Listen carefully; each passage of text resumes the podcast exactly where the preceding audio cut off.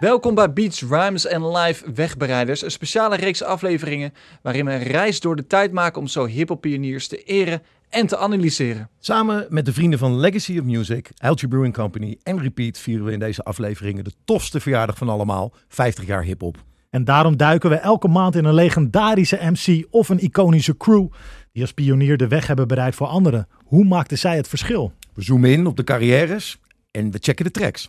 En we bespreken de impact op het genre. Je luistert naar Wegbereiders van Bral, Beats, Rhymes en Live. En vandaag geheel in het teken van Grandmaster Flash.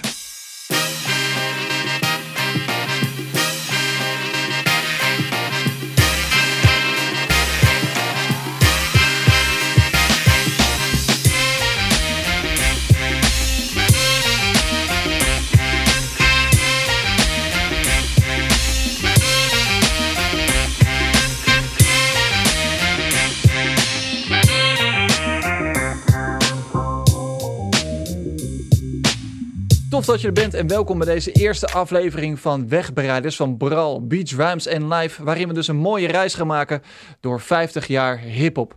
We maakten al eerder afleveringen met Bral over Wu-Tang, Fuji's en Rakim in onze reguliere seizoenen. Daarvoor check je onze site gebral.nl. Mijn naam is Casper, a.k.a. Mr. Ghostman. Ik ben je host. Naast mij zit Michel, a.k.a. Noot. Hij is beatmaker en producer van deze show. Aan de andere kant zit Nick, a.k.a. Sluurvos.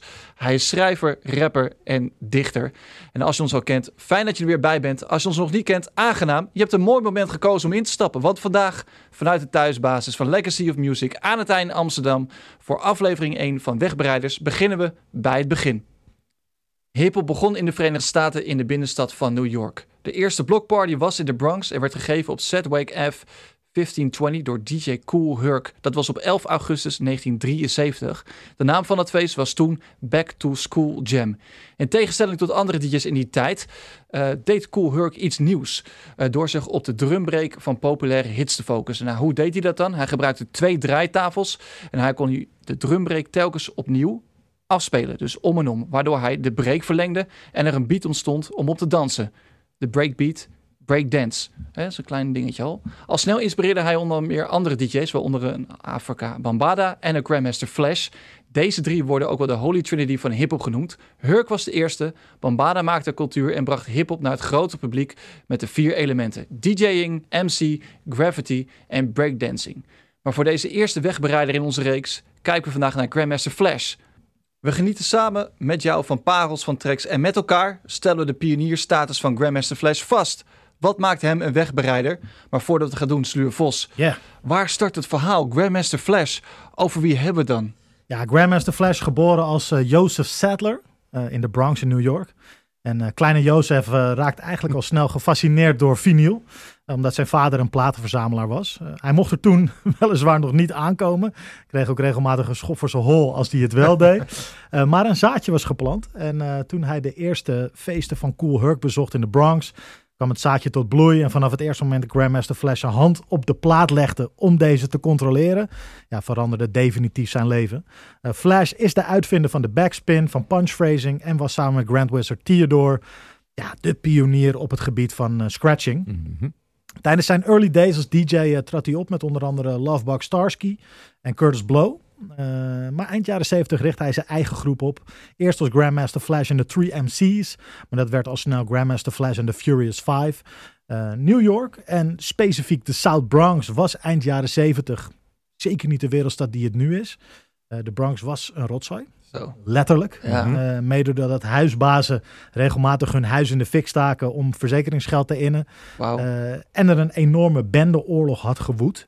Uh, gangs als uh, Savage Skulls, Glory Stompers, Blue Diamonds, uh, Black Cats en de Black Spades beheersten de wijk. En er werd eigenlijk dagelijks gevochten om territorium. En, en er was een hoop criminaliteit. Afrika Bambata bijvoorbeeld was een warlord van de Black Spades voordat hij een DJ werd. Ja, en eigenlijk die bendeoorlog, ja, de problematiek met de, huizen, het sloopwerk. Ja, de Bronx was letterlijk een vuilnisbelt was ja. gewoon puin, troep en een onveilige leefomgeving.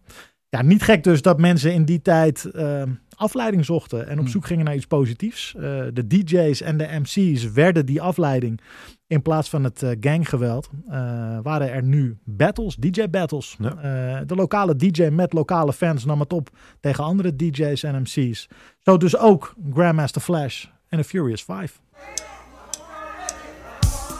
Somebody, somebody, if you want to party, say party. Party!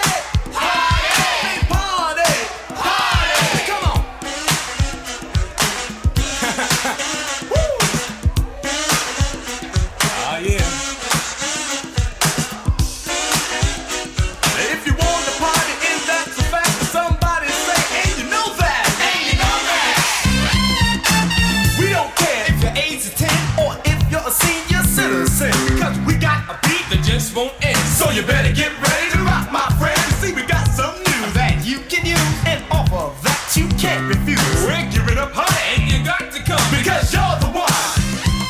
Ja, je hoorde Freedom. De eerste single van Grandmaster Flash en The Furious 5, uitgebracht op het Sugar Hill Records label. Ja, en dat Sugar Hill Records label, dat is natuurlijk wel een legendarisch geworden natuurlijk. Ik ehm, neem jullie even mee terug naar 1978.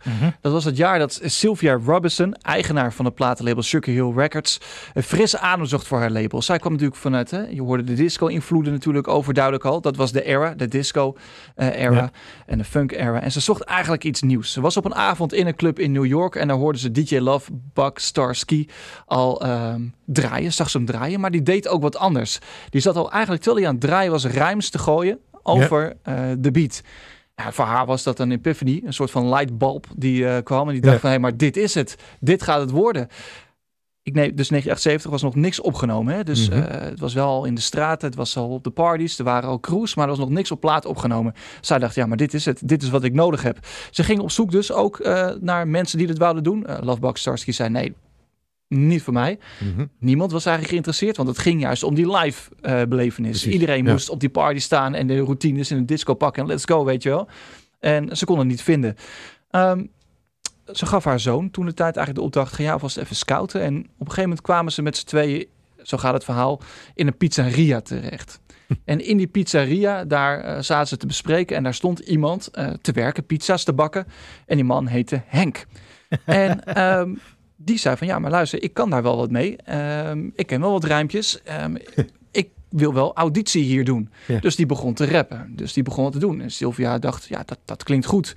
Ook ehm, eh, Master G was daar. Die deed ook een, eh, een, een rijm in de auto. Hè? Mhm. Die zit dan in de limousine. En later kwam ook nog een eh Mike erbij. Die later door het leven ging als Wonder Mike.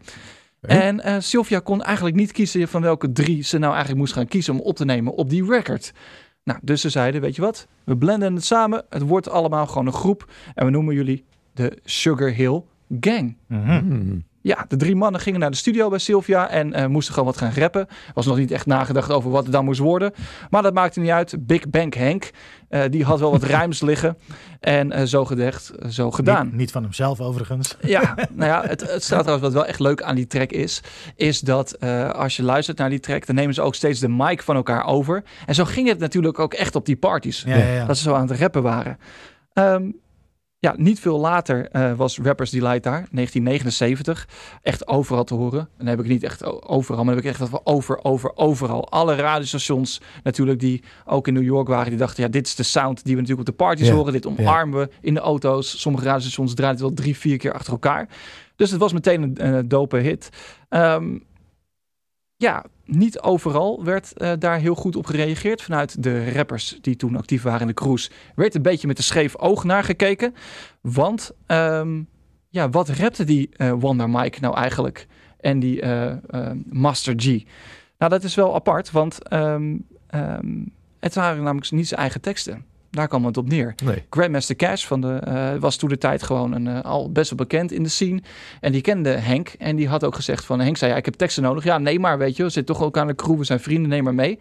Maar Henk dacht, ja, ik leg dat dus gewoon op, vast op plaat. En je kan het ook daadwerkelijk horen bij eh, Rappers Delight. Want daar hebben we het nog steeds over.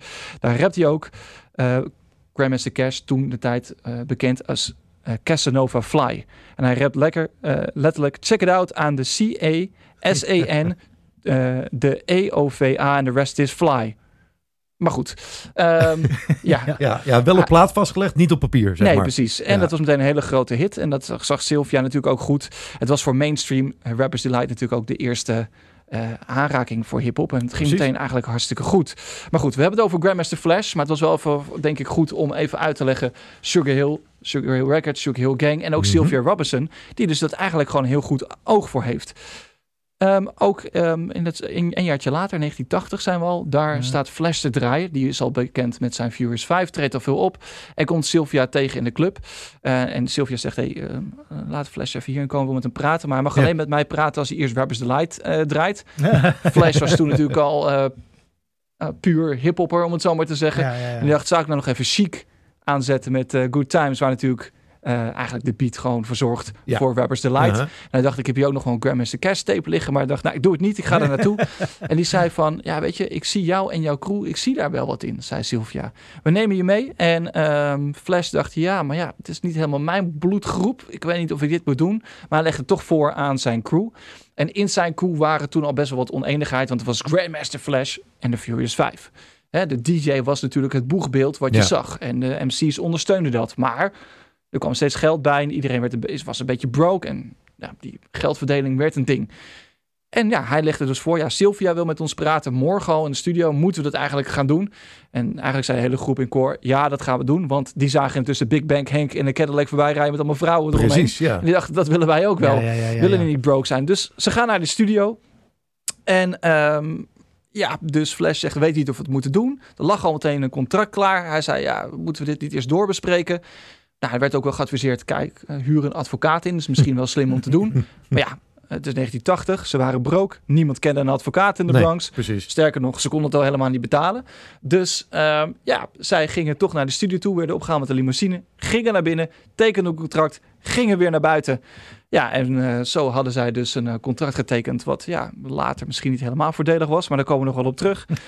en ehm, het was wel zo dat door die move en doordat ze vanuit de crew zeiden we gaan doen, dus de track Freedom, dat was een eerste wapenfeit op een echte label. Ja. Ja. Maar wel nog steeds broke. Ja, nog wel nog steeds broken, maar dat, eh, daar, daar komen we zo meteen dan nog op terug. Ja. Wat ik zo tof vind, je beschrijft natuurlijk hier echt eh, de, de eerste dagen van het genre. Hè? Een soort van de, de dagen na, na de oerknal. eh, Ja, hè? Veel vroeger eh, dan dit is er niet. Nee. En, eh, en omdat het, kijk, we vieren het 50-jarig bestaan dit jaar. Dus het is, dit is allemaal zo ruim 40 jaar geleden. Maar het is natuurlijk best wel redelijk wat gedocumenteerd gebleven. Ehm, eh, dus in, in interviews, veel van de pioniers die dit hebben meegemaakt leven gelukkig nog, kunnen nog wat navertellen.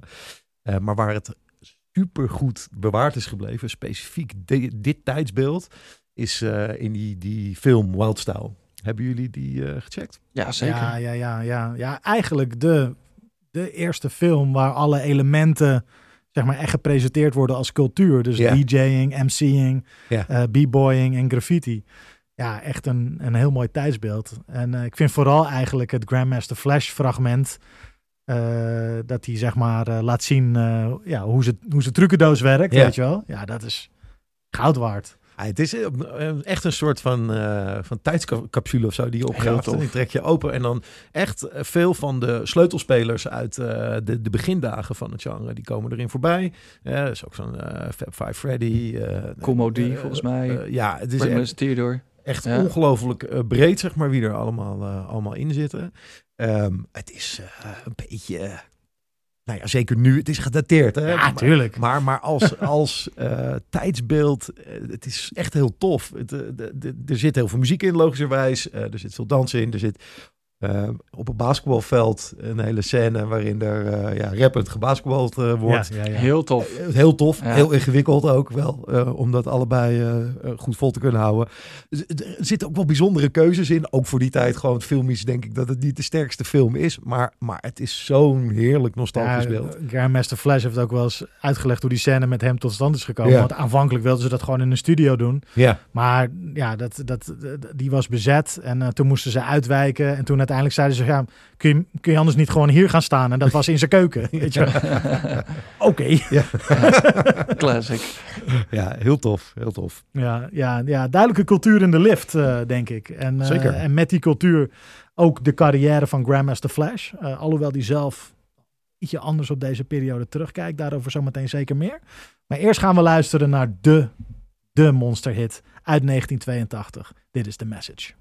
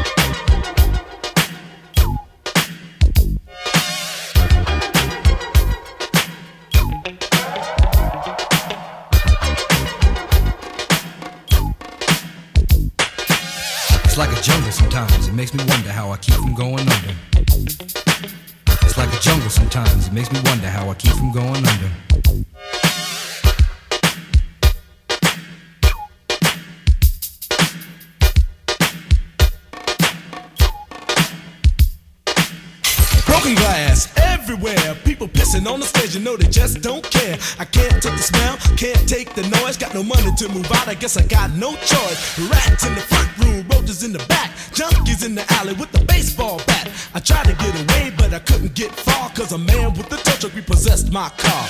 Don't push me, cause I'm close to the edge. I'm trying not to lose my head. it's like a jungle sometimes. It makes me wonder how I keep from going under. Standing on the front stoop, hanging out the window, watching Je hoorde dus The Message van Grandmaster Flash en The Furious Five. Ja, een track die er lang eh, niet leek te komen, maar na lang aandringen van labelbaas Sylvia Robinson ja, toch wel echt gewoon gemaakt en eh, uitgebracht werd. Gelukkig maar, want eh, absoluut een iconische track. Zo. Deze track is zo bepalend geweest voor hip-hop, omdat er voor het eerst eigenlijk niet werd gerapt over rappen, Ja. eh, maar, o- maar over het leven. Eh, en daarmee werd de message eigenlijk een blauwdruk voor alle rap, vrijwel alle rappen die daarna nog eh, zou volgen. Deze track is van Grandmaster Flash en The Furious Five, maar ja, eigenlijk heeft Grandmaster Flash niet zoveel met deze track te maken. En The Furious Five ook niet echt. Eigenlijk Nee. The Furious One. Ja. Eh, want alleen eh, Melly Mel werkt mee aan deze track. eh, die verder wordt geproduceerd door Sylvia Robinson zelf.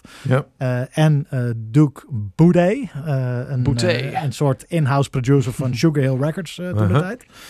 Die rapt ook op de track. Die heeft ook het grootste deel van de track geschreven. De hook, het begin. hij doet ook een verse. En Melly Mel heeft eigenlijk alleen qua schrijven... heeft hij de laatste verse eh, geschreven. Eh, ook wel een iconische verse hoor. Daar niet Precies. van. Ehm, maar ehm, ehm, eh, ja, deze hele, deze hele track bevat iconische verses en iconische lines. Dus die Duke Boudet, die ja, eigenlijk niet echt een heel bekende naam is geworden. Niet heel veel... ja, zijn legacy is niet echt gevierd. Uh-huh. Het is niet, ja, hij is verantwoordelijk voor die track, weet je wel. Ja. Hij heeft Nee. Broken Glass Everywhere geschreven. Hij heeft Don't Push Me Cause I'm Close to the Edge geschreven. Iconisch. En, Nou, zo filmisch ook echt. Ja. Het is echt, eh, als je het hebt over storytelling en als je het hebt over oogjes dicht en een beeld voor je zien, dan, eh, dan, dan, dan krijg je ze niet veel beter dan deze, zeg maar. Nee. Het is, elk woord is raak daarin, vind ik althans. Ja, nee, het is dus eh, broken glass everywhere. People pissing on the stairs like they just don't care. Je wordt meteen in die, ja, in die ghetto-omgeving gebracht, in die Bronx gebracht, waar het een rotzooi is, waar mensen oh, ja, in de stairs of in de trappenhuizen pissen. Ja, het is, je bent daar meteen. En, eh, en ik denk dat dat ook de message zo goed maakt. Ja, eens. Het was ook totaal anders natuurlijk. Hè? Het gaf hip-hop ook meteen veel. Je zei dat het heeft veel veranderd. Hè? Daarvoor was het echt alleen maar partymuziek. En nu opeens deze tekst en zo. Ik kan me voorstellen dat het echt gewoon voor heel veel mensen mind-blowing geweest moet zijn om dit gewoon te horen. En ook hoe je dan eh, inderdaad eh, ook eh, generaties daarna hebben geïnspireerd natuurlijk om gewoon door te pakken op deze track. Ja, Nou ja, goed, wij zijn eh, denk ik, eh, zoals je hoort, vrij lyrisch over deze track. Eh, ik denk het wereldpubliek ook, want nou, ik heb de laatste stand niet bekeken, maar miljoenen streams tot op de dag van vandaag. Hè, dus, eh, het schijnt ook dat toen de tijd, het is nooit officieel vastgelegd, maar Uh-huh. dat de message meer dan 17 miljoen keer verkocht is. Ongelooflijk. Dat is niet officieel via, de- hoe de- via Nee, de dat REA, werkte natuurlijk allemaal nog niet eh, eh, Zo toen. ja. Nee, precies. Ja, ongelooflijk. En eh, Ja. nou ja, echt, we praten over een iconische hit. Dus Nou, wij... en, en, en nog een kleine toevoeging, zeg maar, want het is ook echt poëtisch. Zeker voor die tijd, weet je wel. De, Ja. de, de lines Ja. die ze brengen. eh, ook die Melly Mel verse. Die begint met... A child is born with no state of mind. Ja. Blind to the ways of mankind. Wauw. Weet je wel, Ja. voor, voor een, een begin jaren tachtig verse zijn dat best wel toffe is lines, echt weet wel je wel. een schisma, toch? Ik wil eh, eh, alles wat daar omheen gebeurde was natuurlijk vooral nog... eh, ik ben deze en deze rapper, nu is het een feestje, gooi je handen in de lucht. Ja. Dit is mijn DJ. Ja. Toch? Dat, dat, Zeker bedoel, weten. de- dan hebben we denk ik 80% van de strekking van wat er op Nee, dat ja, moment gebeurde. precies. Dus En- dit, dit was... En, en, en, het is, en het is ook een verhaal met iemand die een soort van opgroeit in de ghetto en dan uiteindelijk zelfmoord pleegt eh, in de gevangenis. Weet Ja. je wel, heel luguber en duister. Weet je, voor een track die een wereldhit is geworden, was de boodschap ook maar echt niet positief, zeg maar. Het was Nee. echt, dus de message is ook echt van, weet je wel, dit is, dit is de, de daadwerkelijke ghetto. Tuurlijk, we maken ook parties en dat Ja. is, dat is eh, Ja. escapisme. Maar dit is wat er werkelijk aan de hand is. Ja. En, eh, en, en dat maakt deze track echt bijzonder. En, en ik, ja, weet je wel, en ik, dat, vooral die poëzie die erin zit en ja, dat heldere beeld en die, die, die, die, die, ja, die, dat, dat enorme urgente, ja, dat maakt deze track wel echt boven gemiddeld. Nou, ik, ik wilde het nog even benoemen, Ja, omdat, ik, omdat ik zoiets had van, laten we niet te snel over deze, deze iconic track heen stappen. Weet je? Nee, het is, zeker niet. Het is zo briljant eh, hoe, ze dit, hoe ze dit gemaakt hebben. Hij zegt, hij zegt ook, God is smiling on you, but he's frowning too. Because only God knows what you will go through. Weet je wel, ik, dat, dat, vind, dat vind, ik een, vind ik ook een mooi beeld. Of de, weet je wel, Eh, hij, hij, hij lacht naar je, maar hij heeft ook zijn bedenkingen. Want het gaat ja, niet helemaal goed daar beneden. Weet je wel, vind ik mooi. Ja, nou ja, goed. eh, nogmaals, wij zijn lyrisch. Ehm, dat lag voor Grandmaster Flash zelf wat anders. Ja, Hè? Zijn Nou, sentiment bij deze track is, eh, op zijn zacht gezegd, wat eh, meer bekoeld dan die van ons. Ehm, daar heb jij hem volgens mij wel eens over gesproken. Ja, nou ja, zoals jullie weten, ik ben natuurlijk ook gewoon hip-hop fan. Naast dat ik heel vaak met hip-hop artiesten mag werken. En zo stond hij een aantal jaar geleden in het patronaat in Haarlem, mijn In de achtertuin. Ja. Ja, en dacht, ja, dat kan ik niet voorbij laten gaan. Ik moet erheen, ik wil dat zien. Overigens, net zoals 900 andere mensen, want het was stijf uitverkocht. Gek ook. En ehm, ik was daar en ik kwam backstage en ik dacht toch wel, dat is toch gewoon een held. Ik moet even met hem gaan praten. En ja, ik heb thuis een, een wall of inspiration, zoals ik het noem. Dat zijn allemaal platen, voornamelijk eigenlijk met artiesten met wie ik heb getekend. Dus vinylplaten, of met wie ik heb gewerkt. Ja, ja, precies. En daar laat ik dan een geïnspireerde eh, boodschap opschrijven. Dus wat inspireert hun of wat voor kunnen ze meegeven zodat artiesten dat lezen. En ik dacht, ja, dat moet ik ook van Grandmaster Flash hebben, want het is een Ja. legend. The message, let's go. Dus ik kom daar backstage en ik trek die plaat eh, uit mijn tas. En we hadden een heel leuk gesprek gehad en hij kijkt me aan en hij zegt, ja, maar die teken ik niet. dus ik, zou, ik was even flabbergasted. Ik zou, huh, huh, weet je, ik kan daar niet verder in verdiept. Hoezo doe je dat niet? Dus ik was helemaal geïntrigeerd. Uiteindelijk heeft hij hem overigens wel getekend. Hartstikke leuk. Een aantal jaar later ook een Melly Mel. En die heeft er wel wat bij geschreven. En dat is heel interessant, want we gaan de- op die dynamiek van die groep duiken we natuurlijk nog wat verder in. Ja. En die schreef onder de handtekening van Flash: Don't let nobody stop your flow. Daar, daar zometeen dus nog meer over. Maar inderdaad, Grandmaster Flash wel hem niet tekenen. Want Uh-huh. eh, ja, het was geen partytrack. Het was niet wat gangbaar was in die tijd. Vos heeft het natuurlijk al verteld. Ehm, en ze hadden eigenlijk als groep besloten van ja, dit moeten we gewoon niet gaan doen. Daarvoor duurde het ook meer dan een jaar voordat die track er uiteindelijk kwam. Nou, die Sylvia Robertson, die liet wel zien dat ze een goede ENR is. Hetzelfde met die Rappers Delight natuurlijk. Uh-huh. Heeft Melly Mel toch met inderdaad Duke Boutet eh, overgehaald om het te schrijven. En kwam, die track kwam er dus wel. Maar inderdaad, Ja, Melly Mel die zei daarover van, ja, weet je, die track zou sowieso gemaakt worden. Ja. Ik kan maar beter gewoon erop springen, dan, eh, dan, dan doe ik het tenminste. Ja. nou ja, Nou, geen windeieren, dacht ik. Nee, Nee, ja. en, Nee. Toch, eh, en toch eh, Grandmaster Flash eh, en de Furious 5 op die track en de message toch opdraven. Ja, en toen werd het wel heel snel een, eh, heel snel wel een mooie hit. Ja, ehm, Maar echt een hele grote hit natuurlijk. Precies. Het ging, eh, voordat we weten, ging het, ging het gewoon wel dubbel platina. Het ging eh, alle kanten op. Ehm, en daar was wereldwijd succes. Maar ja, Ja, wel nog steeds blut volgens mij. Ze waren helemaal blut. Ja. En dat was ook het, eh, het moment dat daar wel naar voren kwam. Dat ze toch een advocaat hadden moeten meenemen naar dat label. Want het kwam wel heel erg naar voren dat het niet heel gunstig was hoe ze tekenden. Want ehm, Het, Flash was broke en die zei op een gegeven moment, die kwam daar aan en die zag op een gegeven moment dat de gouden platen werden overgespreid naar platina. En dacht van ja, maar nu wordt het ook wel tijd voor ons dat wij wat geld verdienen. Nou, toen werd er gezegd, ja, geld verdienen. We zijn al een tijdje bezig. Jouw eerste nummers hebben niet zoveel gedaan. Dit nummer duurde ook weer een tijdje als opvolger. Ja, jullie hebben toch wat kosten gemaakt. Er staat nog zo'n 400.000 dollar open. Ja, dat moet eerst terugverdiend worden. En toen dachten ze wel van ja, dat is heel lastig. En toen zei het label, ja, de enige manier waarop dat kan is natuurlijk als je gaat toeren. Zij toeren, want ze waren broke, bekendste rappers ter wereld, maar moesten wel eh, de road op. Dus ze gingen toeren onder andere met Rick James, bitch. en ehm, ehm, Rick James was ook wel echt wel eh, onder de indruk. En Rick James was ja in de jaren tachtig natuurlijk eh, een van de grootste Ja. eh, out there, weet je wel. Dus ze gingen stadions doen samen met eh, onder andere Rick James. En Rick James liep de kleedkamer in voor Grandmaster Flash. Ze hadden een gesprek. En die zei toen, zo, zo, zo heeft Flash het in zijn eigen eh, boek verteld. In zijn eigen boek. Ja? Biografie, ja. En die zei ook van... ehm, Rick James kwam bij ons naar binnen en die zei van... Hey, als ik een track met jullie doe, moet ik jullie dan uitkopen bij het label of delen we de publishing? En toen hoorde eh, Flash een beetje krekelgeluid in zijn eigen hoofd en die zei... Wat is publishing? En toen scheen dus dat Rick James zijn mond letterlijk met zijn kaak op de grond viel. en dat hij dacht, oké, dit is niet goed. Dat voelde Flash meteen, deze situatie klopt niet. Toen hebben ze de hele nacht zitten praten over hoe publishing, labels en alles werkte. Mhm. En toen kwamen ze toch wel achter dat gewoon, ja, ze echt in een wurgcontract zaten.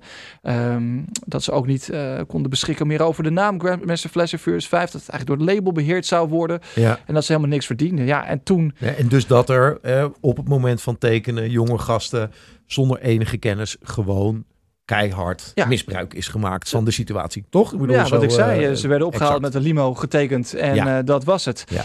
Ja, en Flash ging toch onderzoek doen of ze dan niet weg konden en alles. Maar eigenlijk de hele band wou daar niks van weten. En op een gegeven moment zeiden ze ook van, ja, Het, het was onvermijdelijk. ja, er kwamen scheurtjes in die band. Ja, ja en, en zoals Melly Mel het op een gegeven moment ook stelde, van ja, de tijden zijn ook veranderd. Het draait niet meer om de DJ. ja, Flash. het draait Ja. niet meer om de DJ Flash. ja. Eh, nee, ja, wij zijn, nu, rapper. wij zijn nu eigenlijk minstens, eh, minstens zo belangrijk. Ja. Eh, en, in, eh, en in 83, ta- ta- toen er een Europese tour volgde, eh, kwam er ook wat meer drugs in het spel. Eh, en eh, uiteindelijk eh, de- gingen ze ook een tour doen waar Flash niet meer aan meedeed.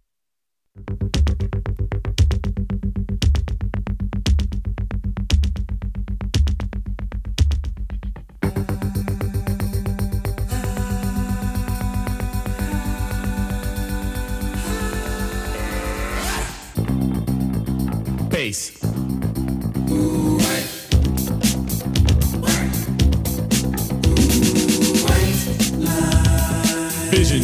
Of passion. And all the while I think of you. A very strange reaction. The more I see, the more I do.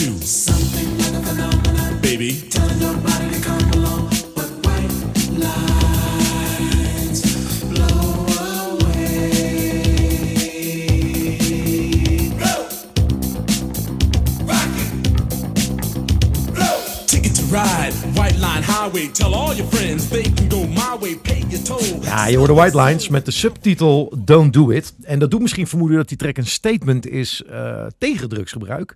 Maar dat klopt niet. Eh, die subtitel die werd eigenlijk vooral toegevoegd om het commerciële succes van eh, nou, wat conservatievere landen niet, vooral, niet, niet veel in de weg te zitten. Ehm, en eh, ja, die track is eigenlijk eerder een, een viering van het gebruik van, eh, van drugs. Ja, en in die periode natuurlijk wel, als ik je mag aanvullen, ontplofte natuurlijk heel New York van eh, de coke en de drugs. Er was een soort van bom gedropt op New York, waar overal eh, drugs over was, ja. Ik, ik moet ook lachen, want er is een interview met Melly Mel door eh, Vlad, DJ, wat is het? Ja, ja, Vlad Vlad, TV. Ja, Vlad. TV. En dan vraagt Vlad eh, White Lines. Dat is toch een anti-drugs track? En dan zie je Melly Mel echt zo... Ja, dat was Ja. eh, anti-drugs. ja. nou, iedereen deed het ook, hè. Toen ook binnen die groep. Eh, het kookgebruik was echt heel heftig. Ja. Ja, en eh, eh, ook hier geldt weer, die credits op de platenhoes, die doen weer vermoeden dat het een track is van Grandmaster Flash en Melly Mel. Maar dat klopt dus ook niet. Flash had eigenlijk niet veel mee te maken. Sterker nog, die was in die jaren zo verslaafd aan het raken dat hij eind 84 eh, als gevolg van een overdosis zelfs in coma zou raken. Ehm, maar goed, we kiezen die plaat toch, omdat het ook wel een mooi opmat is naar het praten over eh, die drugsproblematiek. En de rol van de DJ in die dagen. Want eh, om maar even met dat laatste te beginnen, Ghost. eh, hoe zat dat nou precies? Nou ja, het begon natuurlijk, hè, wat we al zeiden, met Cool Herc, African Bambaataa, Grandmaster Flash. Dat Ja. waren de DJ's, de MC's kwamen er een beetje bij. Maar de DJ was de grote man. Die stond vooraan en de MC's ondersteunden dat een beetje. Ja. En in die jaren zag je dat natuurlijk gewoon veranderen. De MC werd belangrijker, het publiek ging naar kijken, de show werd belangrijker, maar ook wat er gezegd werd. Dus langzaam, ook binnen de groep van de Furious 5, gebeurde dat. Eh, zeker na de message. eh, Flash zei, ik wil het niet doen. Maar ja, werd Ja. toch werd die plaat uitgebracht. Nou, het is goed om dat even helder te schetsen inderdaad. hè, Want wij kunnen, ik kan me dat zeg maar als eh, tegenwoordige liefhebber van het genre bijna niet meer voorstellen. Dat er een, een, een crew zeg maar hè, zich als crew presenteert. Ja. En dat die rappers eh, eh, ja, misschien inwisselbaar zijn. eh, en dat het vooral om die DJ gaat die ook niet, Nee. ja, die verder niks rapt. Nee, ja, kijk, uiteindelijk is het MC'en gewoon begonnen met throw your hands in the air, Ja. zeg maar. En, en, en wave them around like you just don't care. Dat, exact. dat is waar het rappen begonnen is. En dat is steeds meer ontwikkeld Ja. naar een routine, naar een show. En natuurlijk bij de komst van eh, het verkopen van platen. Mhm. Ja, Grandmaster Flash heeft ook wel solopraten uitgebracht, maar daar gebeurde gewoon niet zoveel mee. Nee. Hè, je wilde toch iets horen, je wilde toch vocalen horen. En eigenlijk zodra het dus met Sugar Hill Gang werd opgenomen, werd de DJ eigenlijk veel minder belangrijk. Nee, helder. Dan eh, snap ik dit ook weer beter. Ja, en trouwens over White Lines, het is best wel heftig, want Flash beschrijft in zijn boek dat hij op een gegeven moment echt, ze hadden ruzie gekregen, het ging Ja. niet meer. Eh, hij was onder- aan het onderzoeken hoe hij weg kon uit die labelsituatie, maar de label, ja, die had best wel wat overwicht nog over eh, contractueel, over de naam en, en over wat ze wel niet mochten doen. Ja. Hij sprak in die periode ook de groep eigenlijk niet meer. Hij zat zwaar, zwaar, zwaar aan de drugs. Hij raakte al zijn geld kwijt. Eh, mede ook door de contracten die getekend waren. Want de, leaseauto, de auto's die ze hadden gekregen bleken leaseauto's te zijn. En zat zwaar in de pineut. Ehm, ging intrekken zelfs weer bij zijn zus. En nam toen inderdaad een overdosis. Maar eh, op het moment dat hij zijn laatste drugs ging halen... kwam er een jongen met een ghetto blaster voorbij. En toen hoorde, hoorde hij dus Grandmaster Flash en de Furious 5 met White Lines. Toen dacht hij nog, wat een hypocriet nummer, weet je wel. Dat klopt helemaal Hmm. niet. Hij had toen dus overdosis gehad. En ehm, ja, hier, hier, hier ging het al niet zo goed meer. Dus Nee, met, eh, nee, met Flash en ook niet met de rest van de crew eigenlijk. Klinkt als een klein eh, Ja. understatement. Ja. Ehm, ja, want de, hoe liep dat verder? Nou ja, er kwam dus een rechtszaak uiteindelijk. Eh Flash had wel iemand gevonden die hem daarbij wil helpen. Er waren Uh-huh. ook andere labels geïnteresseerd in Grandmaster Flash en de Furious 5. Maar Melly Mail had gezegd, ja, waarom weggaan bij Sylvia? Ze heeft alles voor ons geregeld. Waarom, if it ain't broke, don't fix it. Maar Flash vond dat het broke was, of dus kapot was. Precies. En wou dus weg. Nou, uiteindelijk kwam er dus een rechtszaak. En ook in die tijd dat hij zo verslaafd raakte, kwam omdat hij het label zei, maar wij ownen de naam. Hij is een eigenaar van de naam Grandmaster Flash Ja. en de Furious 5. Dus jij mag niks meer doen. Op geen feestje staan niks Ja. eh, zonder onze toestemming. Ja. Uiteindelijk heeft hij die rechtszaak dus gewonnen. Sugar Hill kreeg, eh, Records kreeg geen gelijk. Nee. En ehm, eh, kon hij weer gaan optreden. Hij kreeg ook weer een, eh, nieuwe agent. De groep ging niet meer bij elkaar. Cowboy overleed ook. eh, een van de members natuurlijk van eh Furious 5 overleed. En ehm, ja, ja, dat is... Dat is en, en toen zei die advocaat ook nog... Ja, jij kan hun nu aanklagen. Maar Flash zei, het enige wat ik wil is gewoon weer mijn naam. Ik wil mijn Precies. identiteit terug. En vanuit hier kan ik gewoon weer verder. Weet je wat ik wel grappig vind? Is we, we hebben het nu al een paar keer over geld gehad en over oneenigheid met geld. En Mhm. uiteindelijk zijn ze natuurlijk allemaal begonnen met niks. Eh, Ja. En in de Bronx was ook niet heel veel rijkdom, zeg maar. Nee. Eh, wat wel grappig is, is dat het begin van hip-hop eh, is mede ontstaan door een stroomstoring in de Bronx. Omdat er een stroomstoring was, waren alle eh, winkels, zeg maar, soort van eh, ja, vrij voor, voor aanvallen. Want alle alarmen deden het ook niet. Uh-huh. Eh, dus op Dat moment, riot. tijdens die stroomstoring is een enorme riot geweest en zijn er heel veel winkels geplunderd. En er zijn dus heel veel mensen die, eh, of nou ja, heel veel, maar er zijn best wel wat DJ's die later bekend zijn geworden, die tijdens die stroomstoring Hun gear hebben ge- hun gear hebben gejat. Wat vet. Ja, dat is ook... Grandmaster Flash zei ook van... Ik heb alles bij elkaar moeten schroeven. Hè. Zij lagen Ja. eigenlijk elektricien eh, interesse. Heeft Ja. alles bij elkaar ja, moeten zetten. Er bestond niks. was niet te betalen. Nee. Alles bij elkaar gesprokkeld. Ja. Ik denk dat er echt gewoon, eh hip-hop had een iets eh, moeilijkere start gehad Als het stroomnet lekker had gewerkt. als het gewoon Ja. had gewerkt. Want dan, dan hadden gewoon bepaalde pioniers niet de ontdekkingen kunnen doen die ze hebben, die ze hebben gedaan, weet je wel. Dat is in de jaren zeventig. Ja. Nou, het was eh, vorige maand in Haarlem ook een keer eh, flink raak. Ik ben benieuwd eh, wat we over een jaartje of tien allemaal gaan horen. Hey, weg dus bij Sugar Hill Records. Ja. Ehm, een deal met Elektra volgt volgens mij voor Flash, ja. voor Flash. En ehm, de personele bezetting van de Furious 5, die wordt dus ook helemaal vernieuwd. Ja. Ehm, met MC's als The Kid Creole, Raheem, Mr. Broadway. Mhm. En eh, sinds het moment dat hij weer kan, eh, gaat hij ook volledig in de overdrijf. Met sinds eh, 1985 zo'n beetje elk jaar een plaat. Deze haal ik hier even bij, want het zijn er zoveel. Eh, we beginnen met They Said It Couldn't Be Done. Dan komt The Source in 86. Badab Boom Bang in 87. On The Strength in 88. Eh, maar wij gaan eerst eventjes naar eh, een track luisteren van het tweede album uit 86. En die track die heet Style.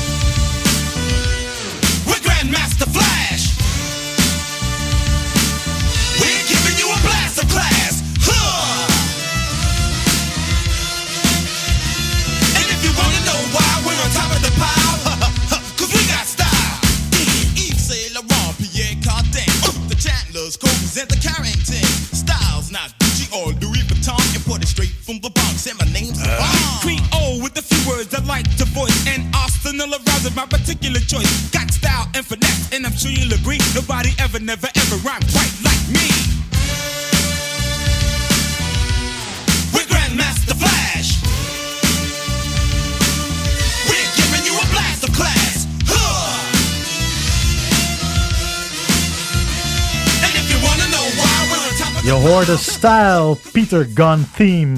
Waarbij we vooral op dat refrein eh, zijn gaan zitten. Om eens in te zoomen op Grandmaster Flash, de DJ. Als de innovator die hij is. Eh, we hebben het daar Zo. eh, kort al over gehad. Maar Noot, eh, kun jij ons wat meer meenemen naar de technieken die hij gebruikte? Wat maakt hem nou zo uniek? Ja, zeker. Nou, het is een mooie opmaat inderdaad van zojuist. Want er was dus helemaal niks. Ehm, en het is soms eh 50 jaar na dato, of in dit geval ruim 40, eh, wel eens moeilijk om je te beseffen. Maar er zijn natuurlijk ooit mensen begonnen met bepaalde dingen die we tegenwoordig eh, ongelooflijk normaal vinden. Ehm, nou ja, zoals eh, bijvoorbeeld het scratchen. Ehm, ja, dat is natuurlijk iets dat is ooit uitgevonden. En Flash was een van de pioniers. Ehm, in principe zijn, zou je hem vooral de quick mix theory mogen toe beschrijven. Eh, die houdt in dat je op een, met een bepaalde technische handeling twee platen eigenlijk het beatjuggelen. Eh dus eh, je hebt eh, twee dezelfde platen op allebei de platenspeler. Ehm, en je zorgt er steeds voor door snel te switchen dat je, dat er, dat je eigenlijk geen overgang hoort. Waardoor het dus een soort van continuous Loop. loop. wordt. Ehm, er ligt erg dicht tegen de breakbeat techniek aan. Die was dan weer van Cool Herc. Ja, dus in die, Cool Herc deed echt... die wist niet precies waar hij die platen Precies. moest gaan neerzetten. Dus dat, dat, was, dat was altijd een beetje een rommel. Precies, precies. Ehm, de, back, eh, de backscratch. Ehm, Dus eh, ja, echt letterlijk de plaat naar achter halen. Ehm, een techniek die eh, Grandmaster eh, exact, ja. Bloedirritant overigens. maar ja, eigenlijk alles wat wij in, in hedendaagse hiphop, zeker in de underground hiphop, heel normaal vinden. dat, dat, dat, hij is daar Ja. voor een groot gedeelte originator. Hij zei ook echt van. Toen ik zeg maar mijn hand op de plaat legde Ja. en kon controleren. Ja, dat, dat maakte zeg maar het, het, het verschil. Ja, maar dat is wat je natuurlijk niet deed. nee, Hè, toen, toen wij jong waren, toen ik mijn ouders vernielde, hij zei, je mag nooit aan Nee. de plaat en de Nee, naald exact. zitten. Dat was verboden. Nou, dat deed hij dus stiekem wel. ja. ja. Maar dat moment, weet je wel, dat, dat heeft hem gemaakt tot, tot de Grandmaster Flash, tot de persoon die die is geworden. Van dat moment dat hij dacht, hé, hey, maar wacht even. Misschien kan het ook zo. Plomp. weet je wel? Ja. Nee, en, en met hem natuurlijk. eh, eh, ja, goed, eh, een klein voorschotje. Maar eh, dat is nogal van inspiratie geweest voor een heleboel andere mensen die eh, later in hun leven eh, en in een, eh, latere tijd de draaitafels tot hun beschikking krijgen. Ja. En het is natuurlijk ongelooflijk bijzonder dat je eh, iets op die manier heel kleins kunt verzinnen. Een soort van hersenspinsel dat uitvoert. Daar, eh, nou, je kunt pionier zijn, maar vervolgens daar ook heel goed in worden. Ja. En dat vervolgens op zo'n danige manier te weten te doen. Dat, dat je mensen inspireert om dat over te pakken. En ook weer op hun beurt verder te perfectioneren. Nou, en wat hij ook deed op die plaat, hè, hij wou dus die beats door laten lopen. Dat was Uh-huh. essentieel voor de b-boys, voor de break boys. Is dat hij op een gegeven moment met een krijtje, daar kwam je achter, ik nou Ja. met een krijtje precies aangeef waar het is, dan hoef ik alleen maar het kruisje te doen. En elke keer ploep, ploep, bij het streepje, ploep, ploep, precies waar die streepjes zijn. Ja. En zo kon hij, zo kon hij dus eh, geluidloos, om het zo maar te zeggen, dat blijven mixen. Dat was echt ongekend. Ja. Ongekend, dat was echt nog nooit gezien. Nee, en de- de- ja, de, die krijtjes, dat is wel mooi. eh, dat, gewoon zo, ook Ja. weer zo'n simpel idee. Van, Ja. Nee, wacht even. Hoe kan ik nou op een plaat zorgen dat ik dat kan vinden? Dat stukje heel snel, weet je wel. Ja. is wel een leuke anekdote in zijn boek. Wil ik toch even aanhalen. Dat, dat laat zien hoe de minds ontploften. Er waren dus een MC, twee MC's van hem kwamen in zijn keldertje. En daar had hij dat al geoefend met dat terugspinnen en met dat heen en weer gaan. En op een gegeven moment, die gasten die gingen zo eh, dansen. Oh, sorry, breakdancers, geen MC's. Gingen Uh-huh. dansen, want daarvoor deed hij het in eerste instantie. En hij ging zo draaien en hij ging steeds sneller. Tuk, tuk, tuk, tuk, tuk, tuk, tuk, tuk, tuk, tuk, tuk, tuk. En op een gegeven moment keek hij op en stonden die dansers stonden alleen maar zo te kijken. Ja. Van, what the fuck heb jij nu gedaan? Dat hadden ze nog nooit gehoord. Ja, ja, ja, en toen ja, ging het vuurtje natuurlijk heel snel. Ja, Ja. dat is echt wel heel mooi. Over schatplichtigheid bijvoorbeeld gesproken. Ik las ergens een quote van eh, een vriend van de show, Dr. Dre. Ehm, die eh, gaf aan dat hij toen voor het eerst eh, een van die solo eh, tracks van eh, Grandmaster Flash hoorde, die Adventures of. Ja, Eigenlijk gewoon een hele lange mixtrack Toffe van eh, een kwartier of zo is het. Ehm, dat die soort van mind was blown. Eh, ze zijn die dag nog met vrienden eh, hebben ze een stereotoren uit elkaar gehaald ja. om te ontdekken hoe je dan kon faden, hoe je dat, weet je wel. Dus die, die- ja, hij is echt, hij wilde DJ worden, Ja. Dr. Dre, doordat hij dit heeft gehoord. Nou, Ja. ja. het is niet de minste die geïnspireerd is geraakt, Nou ja, en, en natuurlijk wel echt belangrijk om te benoemen is dat eh, dit had niet gekund zonder de 70s soul music die op dat moment uitgebracht werd Zeker. door de James Browns en, Ja. de, en de Stevie Ja. Wonders en de die op een, een of andere manier was, was dat destijds. eh, had elke track wel een soort van drumbreak in het midden of aan het begin of eh, aan het eind. Ah, Die ook daadwerkelijk dan gebruikt kon worden om die continu, continuous Ja. loop te creëren. een van die favoriete tracks was Apache Mhm. van de Incredible eh, Bongo Band. Ehm, die draaien we denk ik op het laatste nog wel eventjes. Nou, nee, ik heb, een stukje? Ik heb een klein stukje, ja. Ah, ja. Die kent iedereen ook wel. Oei, oei, oei. Ja, het is eh, Ja, dit is... vooral die kale drums van het begin. Hè, die is- zijn echt door iedereen en zijn buurman wel een keer gebruikt. Maar terecht ook, want het is zo powerful. Het is echt Ah, ongelooflijk. Deze track heeft echt voor zoveel... Heeft op elk feestje gedraaid. En nog steeds draaien ze hem heel goed. Ja. Dus eh, ja, blijft lekker. Ja, de most influential drum break eh, Ever. ever. Ja. Ja, deze en die van James Brown, denk ik, toch? Ja, Funky Eh, Drummer. eh, Funky Ja. Drummer. Ja, ja, ja, ja, Echt, echt duizenden keren. Je Ja. hebt, eh, we hebben hem in de, in de reguliere afleveringen noemen we wel eens vaker. Hoe sampled.com. Heerlijke website om je in te verliezen en te zoeken van nou, waar komen samples vandaan. Eh, nou, bij deze heb je dan echt zo'n sample chain, zo'n ketting van allerlei tracks die dit ook hebben gebruikt. En die loopt in de duizenden. Dan ben je echt wel gewoon een maandje zoet eh, om dat allemaal door te ploegen. Heel tof. Nog even over die naam, hè? Grandmaster. Dat komt volgens mij uit de schaakwereld. Dan Ja. ben je een grootmeester als je ja, de, de, de- echt bij de top van de top eh, hoort. Ja, Eh, geldt dat dan ook voor het DJ'en? Nou, hij heeft die naam natuurlijk gekregen. Want hij heette eerst eh, de Kid Flash. Mhm. Flash gewoon. En hij heeft die naam gekregen nadat hij die technieken deed. En ook omdat hij natuurlijk... eh Grandmaster Flash heeft echt eh, een wetenschap gemaakt van turntablism. Hij heeft dat ontdekt. Hij heeft dat bedacht. Hij heeft ook hoe hij dat moest gaan doen. Daar heeft hij ontzettend wiskundig over zitten nadenken. ja. Hij heeft daar echt, eh, ja, daar, wat ik zei, wetenschap van gemaakt. En ik denk wel dat als je op zo'n niveau denkt en je bent zo die dingen aan het uitzoeken, eh, dat die titel, dat hij die krijgt van hey, you- you're working like a grandmaster, van hoe je zit na te denken, Ja. dat klopt denk ik wel. Ja, ja, ja. Ja, ik heb ook wel ergens de criteria gevonden. Althans, dat is, Oh, dis- ja, is discutabel, want het is niet ergens vastgelegd. Hè. Het, is niet, je gaat, het is niet dat je naar de gemeente gaat en eh, nou, dan dien je wat in en dan krijg je de titel Grandmaster terug. Maar ehm, waar men het wel ongeveer over eens is, is dat je eh, in ieder geval zelf een techniek, een nieuwe techniek moet hebben uitgevonden. Ehm, dat je eh, meerdere andere mensen ehm, ook eh, dingen bijgebracht moet hebben eh, in het DJ'en. Ehm, dat je een crew moet hebben die je hebt gerund. Nou ja, dat is ja. Dat andere DJ's je ook erkennen als een Grandmaster. En dat je mm, echt meerdere DJ's in competities zou moeten verslaan. Verslaan, oké. Ja, ja, dat Nou is dan officieus. eh, Kijk, of het nou Maar- achteraf toegeschreven is naar Grandmaster Flash. Of dat, Ja, het voor- nee, hè, dat is natuurlijk altijd interessant. Maar Ja, want Melly Mel is na zijn breuk met Grandmaster Flash... eh, is hij door het leven gegaan als Grandmaster Melly Mel. Dus Ja. die heeft zich die naam Ja. ja, ook gekregen of toegeëigend. Weet ja, ik nee, niet, de maar- zesde... Maar dat is eh, gewoon om een beetje, ja. denk ik, flash dwars te Nee, zitten. dat zou kunnen. Maar De goed. zesde regel is dat je een heel scherp marketing en commercieel inzicht moet hebben. En moet begrijpen dat het handig is om die naam mee te verhuizen. Ja, ja. Ja, ik snap het wel. Eh, Melly Mel was in zijn, in zijn, in zijn, eh, in zijn als rapper ook een grandmaster natuurlijk. Ja. Van hoe hij dat deed. Dus Nee, zeker Ja. weten. Eh, zeker. Maar vond hij dat zelf of hebben anderen die Grandmaster... eh, nou, ik denk dat anderen dat ook Misschien vonden. Sylvia Robinson. Ja, eh, ja, ja. Trouwens eh, eh, Grand Wizard Theater. ja. Die heeft ook weer varianten opgebracht. Eh, Mhm. Flash noemt hem een beetje zijn zoon. Eh, Grand eh, Wizard Tier is degene dus die de echte scratch heeft ja, ja, uitgevonden. ja, precies. Maar meer Grand Wizards ken ik niet. Dus dat is dan marketingtechnisch iets anders gegaan. Ja, ja ik, eh, ik ben hier niet helemaal ingedoken. Nee, maar, nee, eh, alleen Harry Potter nog. Maar ja. goed, We gaan een paar jaartjes verder naar eh, 88, naar het album The Strength. Een eh, bijzonder album, waarover zo meer, maar eerst een gouden track.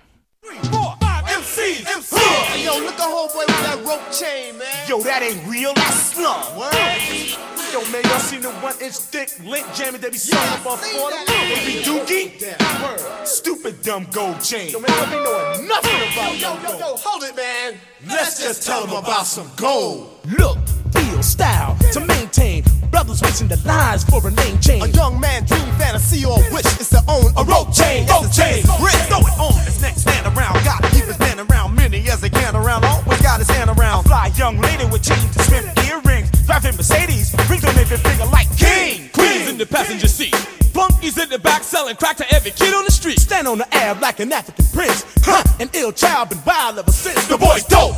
Look at the smile on his face. He got the gold teeth shining all over the place. Janet Jackson says that diamonds are a girl's best friend. But lo and behold, you know gold was meant for the men. A link chain worn by an Italian, prancing like a ja, stallion. gold a fat dus. gold En daarop eh, horen we ineens weer oude bekenden. On eh, The Strength Reunie eh, was een reuniealbum van Grandmaster Flash en The Furious 5. Eigenlijk een volledige poging om weer het succes van de Message te gaan evenaren. Eh, de strijdbijlen begraven dus. Eh, of dit album een succes is, bespreken we zo. Maar waar ik wel even benieuwd naar ben, eh Sluur Vos. eh, wat Mhm. vinden we van deze track? Ja, ik vind het wel, eh, ik vind het wel vet eigenlijk. Nice toch? Ja, ik vind vooral Maar die waarom? back and forth. Nou, die Ja? back and forth shit geeft veel energie aan die track. Ja. Er zit überhaupt veel energie in. Die beat, die, die pompt ook lekker door, weet je wel. Doet je ergens aan denken qua genre? Qua, qua eh, stijl? Nou, het doet mij wel een beetje aan de Beastie Boys denken. Ja, ja in, de, in de raps eh, zeker. Ja, Ja. eens. De funk, gewoon James Brown? Ja, nou, ik heb dus meer die, die hele New Jack Swing eh, era Ja. die daarna kwam. Dus eh dat klopt, ja. Met die, ja. Jodeci, dat, dat zit hem vooral in die, eh, die snares, die Ja. en die, eh, en die stabby uh, Zo heb ik hem eigenlijk nog helemaal niet bekeken. Ja, hey, het, is, Ja. het is echt wel een, eh, wat mij betreft, eh, een, een, een voorloper. Eh, dat klopt ook tijdstechnisch wel. Ja. eh, van een sound die we daarna echt heel veel hebben gehoord. En eh, dat vind ik vooral zo cool dat je dan ook daar weer bij zo'n artiest eh, ja, toch weer best wel een andere richting ho- hoort. Die ook dus wel zijn navolging heeft gekregen. Ik Wat vind het echt heerlijk. En hoe heeft dit album het gedaan? Ja, eh, eh, nou niet de verwachting zoals... eh, The Message. eh, nee, precies. Hè? Ja. Want dat was natuurlijk toch een beetje zo van, nou ja, we rapen, het, eh, we rapen iedereen weer bij elkaar. En eh, we gaan kijken of we het eh, eh, toch weer kunnen flikken. Nou ja, Ja. dat, is, dat is gewoon niet gebeurd. Nee. Eh, absoluut niet. Nee, maar die plaat is ook wel redelijk neergesabeld eh, door de Ja. critici. Ja. Eh, met, met termen als eh, outdated en eh, achterhaald. En eh, jullie zijn ingehaald, zeg Dit maar. was 86. Ja. Acht- 88. Achtig. Ja. Ja, dan zit je tussen Eric B. en Rakim eh, Precies. natuurlijk. En dan heeft hip-hop al wel een sprongetje gemaakt, zeg maar. Ja. Eh, en zeker qua raps. eh, en qua flow heeft het dan wel een sprongetje gemaakt. Eh, ik bedoel, EPMD was op dat moment al bezig. En, eh, en Eric B. en Rakim inderdaad. Ja. Ja, daar konden zij niet Ja, echt meer mee hangen. Ja. Ja. daar konden zij niet meer echt mee hangen. nee, ja. Dat, eh, En, Ja. en deze track nog heel even, want eh, Gold, wat... ja, dat is natuurlijk eigenlijk ook wel... wij zaten hier een beetje over te bomen van tevoren. Ja, ja. Wat, horen we nou eigenlijk inhoudelijk? Waar gaat het over? Nou ja, volgens mij horen we een groep die eh, een aanklacht heeft tegen de scene op dat moment. Die veel gold droeg, Ja. verheerlijkte. eh, ja, dat als een soort van ultieme statussymbool zagen. En zij ja, voelden daar niet zoveel voor. En ze, zij wilden dat eigenlijk aanvallen. Ja. het is algemeen wel bekend dat Melly Mel liever in zijn discopakken, leren discopakken had blijven staan. Ja, ik vond het precies. helemaal niks dat die kledingstijl veranderde naar van wat, wat je dagelijks droeg. Ja, ja, exact. Hè? Zoals Run DMC natuurlijk, die ging op een gegeven moment natuurlijk in hun eh, leren jassen en, en sneakers lopen. Ja. Ja, Toen zei Melly Mel daarover in een interview, die zei van ja, toen had ik net voor, voor duizenden euro's leren pakken gekocht. En dan wordt dat opeens door, eh, doorgeduwd. nou ja, dat is bizar natuurlijk eigenlijk. eh, Dat, dat, dat- zij, die kledingstijl was radicaal anders Ja, ja, ja. eh, bi- binnen hip-hop toen de tijd. Ja. Inderdaad, met, met, met eh, hoe heet het, van die, eh, oh, van die eh, sliertjes aan, Ja, aan mouwen Ja, en zo. ja, ja, het weet is je gewoon wel. disco. Disco. Ja, disco, ja. Ja, een korte... ja, ik mag het zelf ook graag dragen. Van, die crop tops. ja, van die crop tops, weet je wel. Dat je net even het pensie eh, een klein beetje lucht krijgt. Ja, op ja, zo'n warme dag. Ook veren gezien. Pek, Ja. alles. Nee, ja, ja. Ja. maar dat, dat, is- dat was natuurlijk echt wel... In die zin maakten zij natuurlijk in deze jaren al een hele grote verandering eh, in, in het genre mee. En konden ze inderdaad, nou ja, herhaling van zetten, maar konden ze dus niet meer helemaal meekomen met eh, Nee. nou, waar, waar hip-hop op dat moment naartoe ging. Nee, en, maar probeerden nog wel vast te houden aan ja, dat wat voor hun eh eh, hip-hop was. Eh, dus zij hadden zoiets van ja, gold, weet je wel. eh vet gold chain, ja, daar hebben we niks mee. En, Nee. dat zou ook niet jullie. En ze, ze schetsen op een gegeven moment ook een soort scenario van ja, en, eh, en dan word je dealer. En eh, weet je wel, want dat hoort allemaal bij een gold chain. Ja, ja, Dan word je dus dealer en dan ben je dus een crimineel. En eh, die associaties, ja. ja, vind ik fascinerend. Terwijl als we nu kijken naar gold, zeg maar, dat gold is niet weg te denken uit hip-hop. Nee, precies. Weet je wel, de, de, de, de two chains van deze wereld, Ja. die, die zijn Tuurlijk. erop te blijven. Ja. Dus eh, ja, bizar. Nou ja, ja, en, en in dit magere resultaat van deze plaat betekende dus eh, opnieuw en nu definitief het, het uiteenvallen van de, van Ja. de groep. Eh, ja, nu was het klaar. Nu was het echt klaar. Inderdaad, ja. En dan in die jaren daarna was het ook vrij lang stil hoor. Het is, eh, ze gingen allemaal een beetje hun eigen weg. Eh Grandmaster Flash ging eigenlijk pas ja, richting 1996 pas weer, kwam hij echt weer een beetje tot leven. Hij zat echt in zo'n tussenperiode dat het even niet kon. En ehm, in 1996 eh, ging hij eh, radio maken voor het eerst. Eh, dat ook radioprogramma's met hip-hop echt eh, kwamen. Dat hij dat ook ging doen bij, eh hoe heet het ook weer? Sirius, eh, Satellite, eh, Satellite Sirius, Sirius XM. zoiets. Mhm. En ehm, via, eh, via kwam hij in contact met Chris Rock. Natuurlijk op dat moment natuurlijk gewoon een eh, grote comedian. comedian van de Ja. mid-90s, denk ik, in de States. Denk ja. ik wel, ja. En die kreeg zijn eigen tv-show. En die wou Grandmaster Flash hebben als zijn DJ. Ja. Ja. dat was wel echt de, de revival voor Grandmaster Flash. Dat heeft hem echt wel gered. Hij was gewoon elke week op National TV. Ja. Eh, keken gewoon echt heel veel mensen naar. Ehm, hij kreeg daardoor ook weer heel meer, veel meer aanvragen. Hij ging ook weer draaien, kreeg een goede agent. Dus hij ging gewoon weer echt door kwam tot leven. En hij kreeg op dat moment ook echt weer de respect van... eh, Oké, je hebt het zoveel jaar gedaan. We geven nu weer je props ervoor. Dat kwam weer een beetje terug. Ja. Niet van, oh, you old school. Maar of, hey, dope dat je you paved the way. En ehm, ja, het is wel heel tof dat hij dat op die manier weer kon doen. En ook qua radio maken natuurlijk ook. Ja, het is cool dat, dat, dat dat soort legends dan zo'n gig krijgen, weet je wel. En, eh, en zich daar dus ook niet te, goed voor voelen om dat te doen. Want dat had ook nog gekund, hè. Dat je denkt van, nou, Ja, hij ja, moest ook eh, wel. Hij zat toen financieel Nee, helemaal maar- aan de grond. Ja, Ja. Het, het, het had ook eh, van nee, met een comedian, weet je wat, dat voel ik niet, had gekund. Ja. Eh, maar tof dat hij het juist wel heeft gedaan en dat hem juist dat eh, weer... eh, Ja. Maar goed, hij is natuurlijk daarna wel, ja, zijn, zijn, zijn legacy, eh, jij, jij zei het al, van hij heeft zijn props gekregen. Zijn legacy is ook wel gevierd.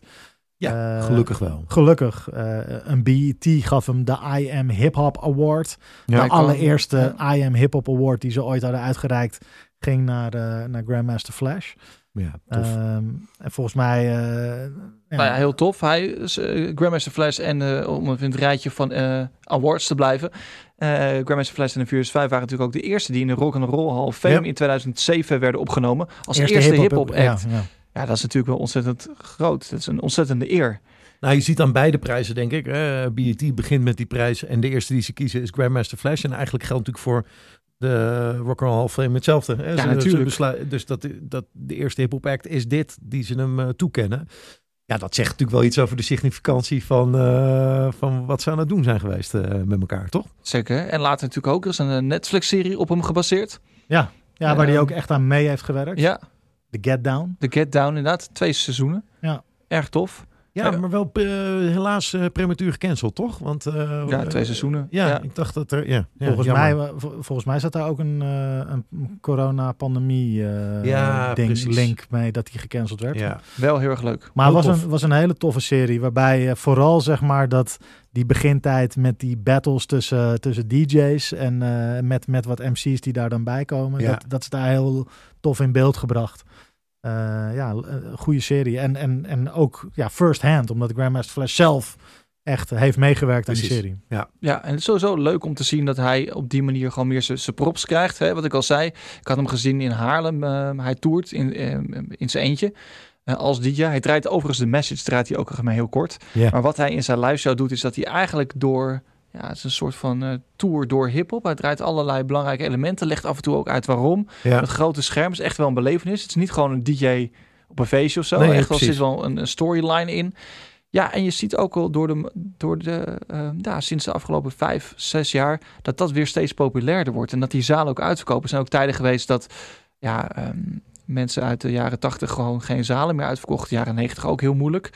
En vlak voor corona ben ik ook nog geweest naar ehm eh, Sugar Hill Gang en Grandmaster Flash. Sorry, eh, Grandmaster Melly Mel en eh, Scorpio. Die stonden in de Q-Factory in Amsterdam. ja. En ehm, ook wel grappig dat die twee samen stonden. Want Melly Mel is eigenlijk, ja, we moeten helemaal niks hebben van die nep-rappers. Maar nu toeren ze dus samen. Ja. Maar ook uitverkochte zaal. Ja. Dus laat wel zien dat ook die generatie hiphopbezoekers dus weer terugkomt en een behoefte aan heeft. Maar Precies. ook Ja, omdat hun kinderen kids. natuurlijk nu allemaal volwassen zijn. Dus ze kunnen de deur weer uit. Ja. Ja, en, en jonge kids natuurlijk, die ook gewoon eh, benieuwd zijn. Ja. En gewoon van, denk van Ja. wie zijn dat? Hè? En dat is, vind ik altijd mooi, eh, als je weer een beetje research doet naar je history.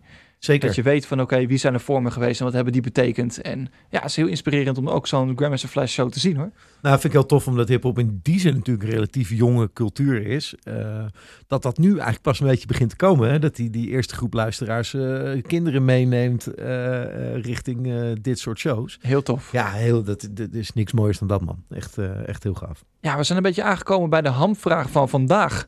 De pionierstatus.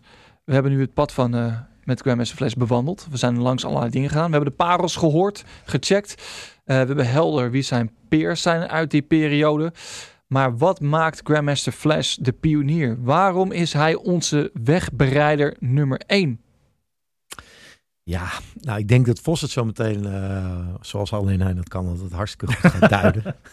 Eh, ik wilde het eigenlijk nog aan de hand van één fragment doen. Mhm. Ehm, wil ik je eerst laten horen en dan wil ik je daar graag wat over vertellen.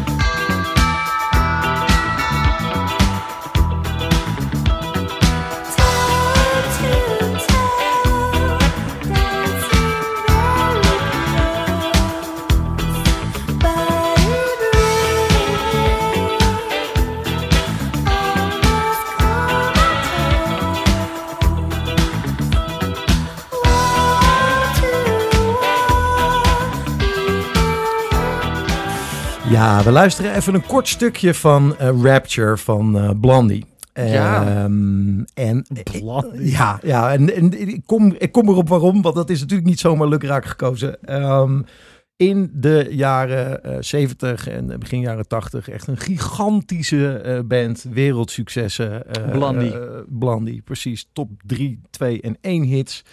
Ehm, en deze track, verderop in de track, eh, zangeres Debbie Harry, die rapt hier ook. Ehm, dit was officieel de eerste track met rap op MTV ooit. Ehm, in die track, in haar verse, waarmee ik het misschien een klein beetje ophemel, want het klinkt natuurlijk allemaal niet helemaal als de beste rapper die je kent, maar toch, het is tof, er wordt gerapt. Daarin zit Flash is cool, Flash is fast. Ehm, en dat is een directe verwijzing naar Grandmaster Flash. Ehm, en daarmee eh, gaf zij zeg maar de hele wereld een kleine blik op, hey, wie is dat dan? Eh, en eh, opende dat voor Grandmaster Flash vervolgens deuren naar ook de witte wereld om shows te kunnen gaan doen. Ja. Maar even terug naar waarom deed zij dat nou? Waarom deed zij als eigenlijk al redelijk gearriveerd artiest op dat moment voelde zij de behoefte om een shout-out te doen naar iemand die op dat moment, deze plaat komt uit 1980, eigenlijk officieel nog niks had uitgebracht. Hoe kenden ze hem en ja, waarom gebeurde dat? Eh, gitarist van Blondie, Christine, eh, is medeproducent geweest van eh, de Wild Style plaat, onder andere. Maar dit was allemaal later. Eh, maar zij waren bevriend met Fab Five Freddy. En die naam noemen we al eerder even in het kader van die Wild Style eh, film. Ehm, dat was een prominent figuur in de hip-hop in de begindagen in, eh, in New York. En zij namen, hij nam sorry, de band Blondie een keer op sleeptouw op een avond naar zo'n block party waar Grandmaster Flash stond te draaien.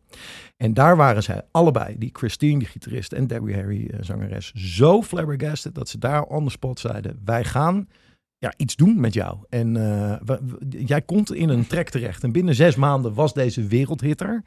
ehm, waarin hij dus een eh, ja, keiharde shout-out kreeg. En hij had ook in de clip kunnen zitten. Alleen hij kwam niet op dagen tijdens de opname. Dat dan Ja, niet. koken, Nou, koken. Waarom hou ik dit aan? Als ondersteuning. Eh, de man had nog niks uitgebracht. Maar hij stond in een zaal te draaien. Hij stond zijn innovatieve DJ-technieken te etaleren. Er waren daar grote artiesten op dat moment. Met al op dat moment een rijke oeuvre. Die zagen daar iets gebeuren waarvan ze wisten. Dit is zo bijzonder.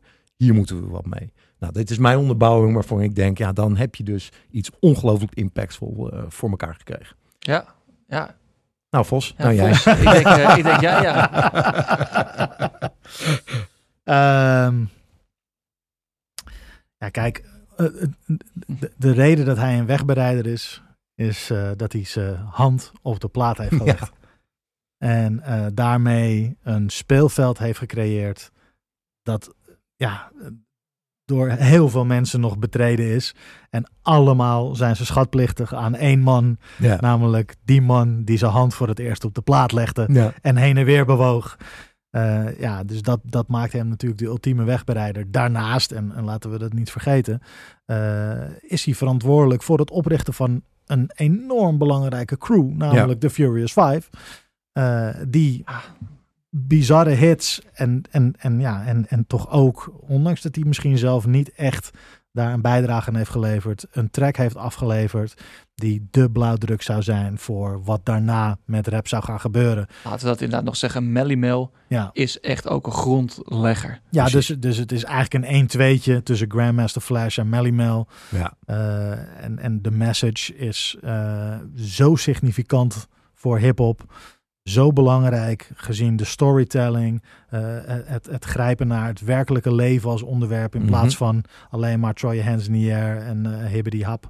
En, en dat maakt gewoon dat, dat eh, Grandmaster Flash en de Furious Five eh, een, een, essentieel zijn voor de ontwikkeling van hip-hop. En dat maakt hem de wegbereider. En ja, ik denk dat wij, eh, net als de Rock and Roll Hall of Fame, die hem als eerste kiezen, eh, de BET I Am Hip Hop Award, Precies. zeggen wij met Bral ook, onze wegbereider nummer 1 is Grandmaster Flash. Ja. Amen. Zullen we hem nog eh, één keer aan het werk horen? Ja, nee, ik, ik vind er niks van. Dus, eh, nee, nee, wat ik, ik wou Ja, nog zeggen is, wat ik, wat ik zo tof vind, is hij heeft eigenlijk een nieuw muziekinstrument gecreëerd Ja. door om zo om te gaan met die draaitafel. 100%. Hij is zeg maar eh, wat de saxofoon ook voor jazz is geweest. Hè? Dus is een klassiek instrument. En doordat ze het met jazzspelers zoals eh, eh, Molly Waters bijvoorbeeld ook de elektrische gitaar pakte, Mhm. zo heeft Flash ook gewoon het muzieklandschap veranderd. Hij is iconisch. Hij is een Chuck Berry. Hij is een Molly Waters. En dat, dat maakt, hem, maakt hem voor mij een iconische status. Ja, 100% terecht. Nou, nog één keer dan. We hebben het eerder gehad over die belangrijkste break in hip-hop, zo'n beetje Apache. Ehm, we gaan eruit met eh, nou nog één keer die break, maar dan terwijl eh, Grandmaster Flash hem onder handen neemt. En dan dat ligt ook goed om te noemen. We maken samen met Legacy of Music een mooie playlist. Met natuurlijk de iconische tracks uit deze aflevering. Mhm. Maar ook aangevuld eh, met andere pa- eh, parels van deze pionier. Maar ook van zijn peers. Dus van andere groepen uit die tijd. Check daarvoor natuurlijk onze landingspagina. Gebral.nl. En ehm, ja, toch de track die denk ik iedereen in rap roer heeft gezet sinds de jaren 70. Maar ook zeker de bewerking van Grandmaster Flash moeten we hem gaan draaien. Het is Apache.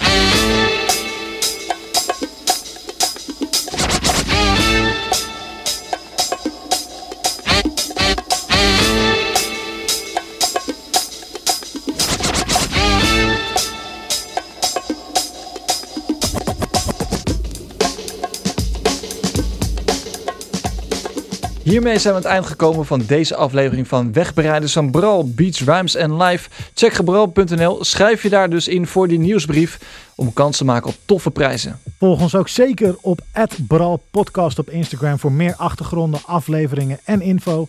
Je vindt deze aflevering en andere afleveringen uit de reeks natuurlijk op de website en op ons YouTube kanaal. Dus abonneer je daar ook vooral. En wil je nog een bonus tip van me? Check dan onze vrienden van at Legacy of Music op Instagram eh, voor nog meer mooie achtergrondverhalen en beeld van iconische artiesten.